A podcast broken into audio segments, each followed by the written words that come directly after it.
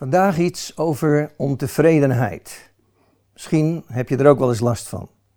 Ik neem je even mee, de Bijbel in, naar een tekst uit Jacobus 3 en dan vers 6. Daar staat: Onze tong is net zo'n vlam, een wereld van onrecht die onze lichaamsdelen in brand steekt. Met je tong kun je dus ook je uiten over veel dingen waar je ontevreden over bent. Stel je het volgende eens voor. Op een regenachtige morgen begroet iemand je met de woorden: Goedemorgen. En meteen daar achteraan zegt hij: Wat een ellendig weertje is het, hè? En op dat moment vraag je je af: Is het nou een goede morgen of is het nou een slechte morgen? Waarom moet er achter een mooie groet meteen weer een vorm van ontevredenheid zitten?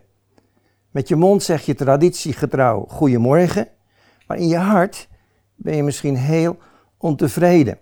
En in veel mensen zit een vorm van ontevredenheid. Toen ik in het Caribisch gebied werkte en woonde, kwam ik daar prachtige zwarte mensen tegen die er alles aan deden om de krullen uit hun haar te krijgen.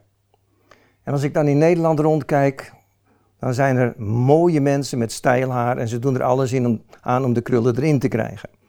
Met andere woorden, eigenlijk vinden we het nooit helemaal goed. En hoe kun je dat nou veranderen? Paulus die zegt in Filippenzen 2, vers 15, dat je niet moet blijven mopperen.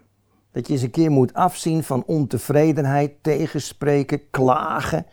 En eigenlijk zit klagen in ons allemaal wel een beetje ingeworteld. Maar hoe kom je er dan van af? Mopperen en klagen is toch een onderdeel van het leven van heel veel mensen. En toch is het iets, als je blijft mopperen en klagen, dat je dan eraan kapot gaat op de duur. Daarom is het niet slecht om een keer te klagen, dan weten we waarvoor kunnen bidden.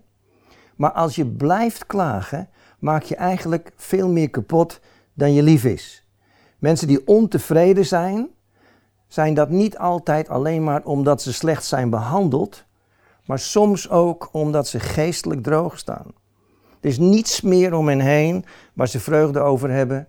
Ze vervelen zich, ze denken negatief. Alles is eenvoudig niet leuk meer. En daar kun je wel wat aan doen. Want wat zegt Jacobus? Hij zegt leven en dood zijn in de macht van de tong. En je gaat al een heel stukje leven verbeteren als je begint met positief te praten. Positief dingen te benoemen. Niet alleen denken, maar ook benoemen.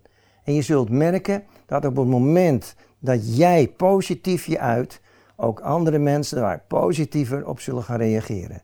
Doe je best.